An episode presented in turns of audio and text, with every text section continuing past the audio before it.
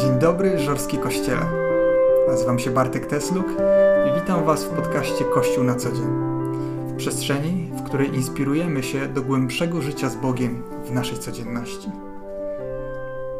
Dzisiaj odcinek specjalny, związany z wyzwaniem, które przyjęliśmy jako wspólnota na najbliższe 30 dni. By trzy razy dziennie rzucić wszystko, co robimy i skierować swój wzrok i serce na Jezusa.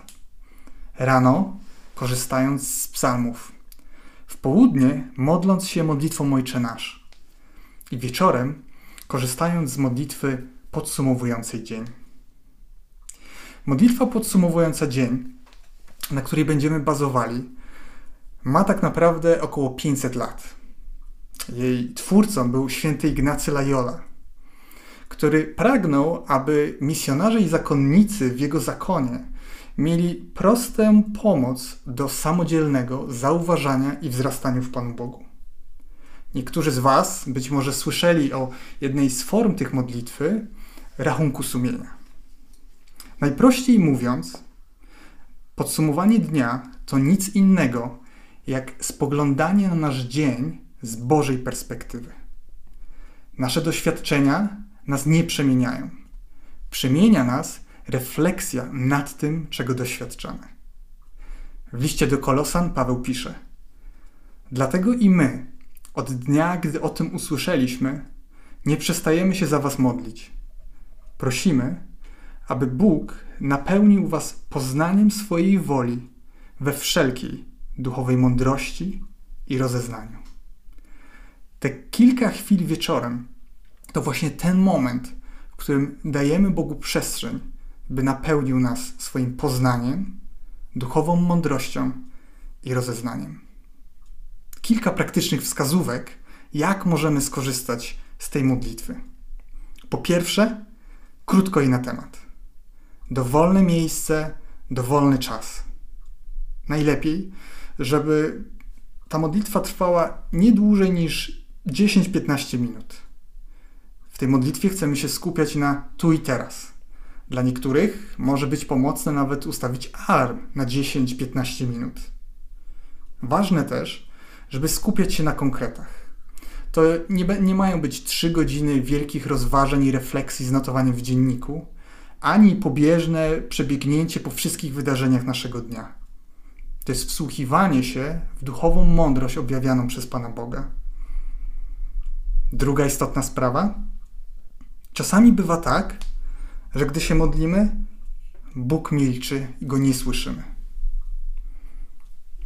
Tutaj warto zwrócić uwagę, że powinniśmy być ostrożni. To, że nie słyszymy Boga albo nie czujemy go w taki sposób, jakbyśmy chcieli, nie oznacza, że go z nami nie ma. Co może oddzielić nas od Jego miłości? I czy jest jakieś miejsce, w którym On nas nie znajdzie? I ostatnia wskazówka to jest to modlitwa. Nie jest to żadne ćwiczenie mentalne. Dlatego należy podejść do tego jak do modlitwy. To oznacza, że prosimy Boga o prowadzenie. Mówimy do Boga, a nie do samego siebie. Słuchamy Bożego głosu. Słuchamy go głową i sercem. Co Bóg próbuje mi powiedzieć? Czy daje mi jakiś werset, obraz, coś podkreśla? Istotna sprawa to jest modlitwa. To nie jest zadanie, które ma się udać. To nie jest coś, co można zrobić dobrze i źle. To jest chwila z naszym przyjacielem, naszym zbawicielem, z naszym ojcem. Niedawno zacząłem grać we frisbee. Jest tam kilka takich podstawowych ruchów, które są, są niezbędne do, do gry. Każdy trening tak naprawdę zaczynamy od ćwiczenia tych kilku ruchów. I modlitwa podsumowująca dzień również ma takie cztery podstawowe ruchy. Pierwszy z nich to przypomnij sobie. Pomyśl o kluczowych wydarzeniach i emocjach Twojego dnia. Poproś, aby Bóg objawił swoją obecność i działanie w tych miejscach.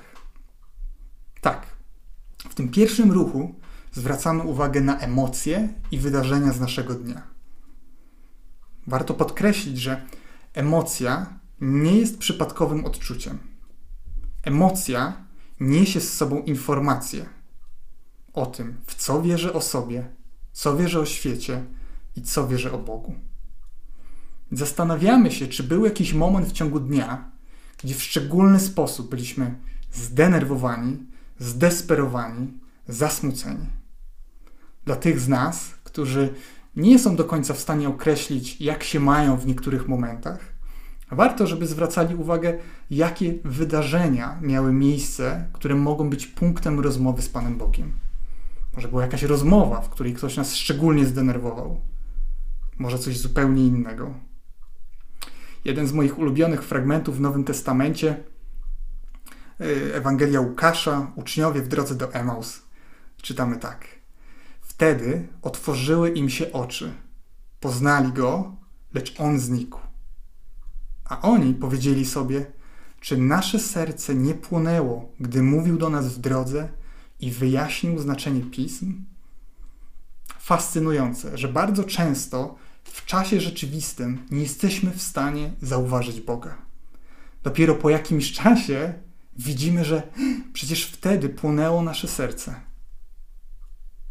I w tym pierwszym ruchu przypominania sobie szukamy momentów w ciągu naszego dnia, w których nasze serce płonęło. Drugi ruch w modlitwie to raduj się. Z wdzięcznością przywołaj chwilę radości Twojego dnia. Dziękuj Bogu za Jego obecność i za każde błogosławieństwo, które przychodzi Ci na myśl. Czy wiedza o dobrych rzeczach, wiedza o tym, że Bóg mnie kocha, jest wystarczająca? Wyobraź sobie, że słyszysz rozmowę swoich dzieci i tak mówią. Wiem, że tata mnie kocha. Nie czuję tego od niego, ale naprawdę wiem. Jak smutnym byłoby to usłyszeć z ust swoich dzieci.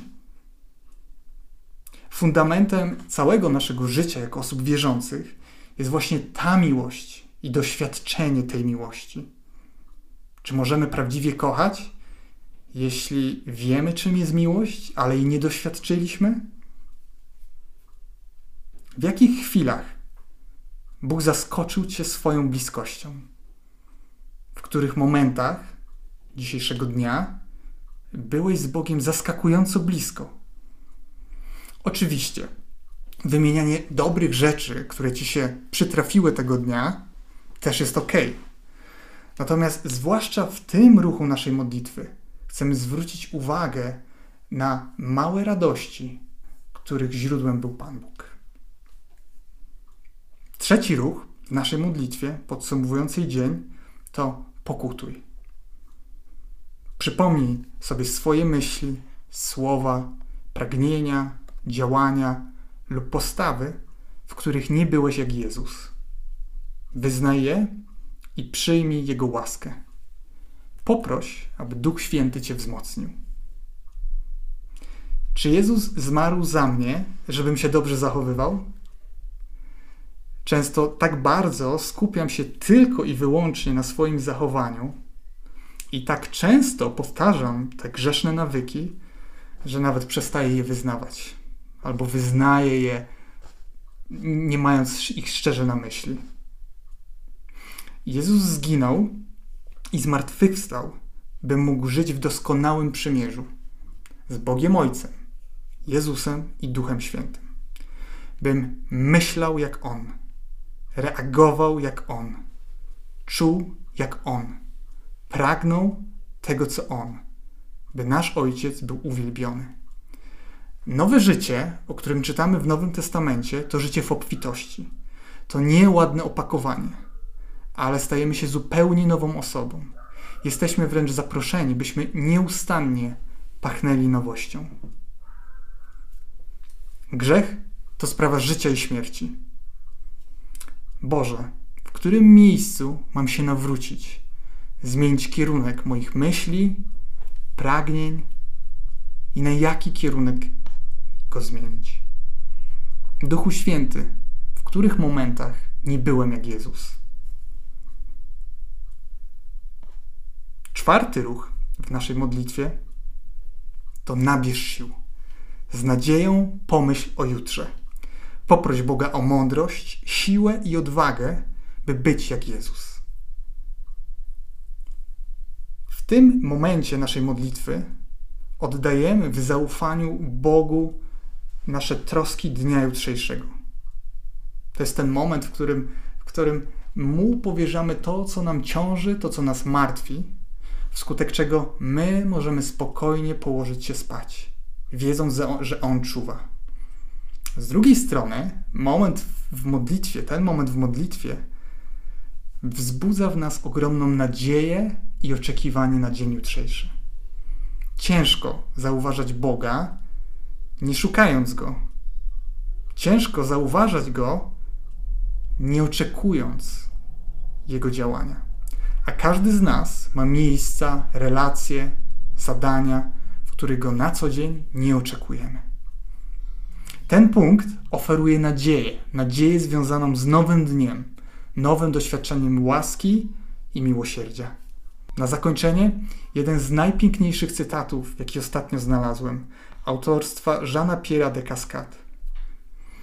Obecna chwila skrywa nieskończone bogactwo, większe od Twoich najśmielszych marzeń, ale skorzystasz z nich tylko w granicach swojej wiary i miłości. Pozostańcie w łasce i pokoju.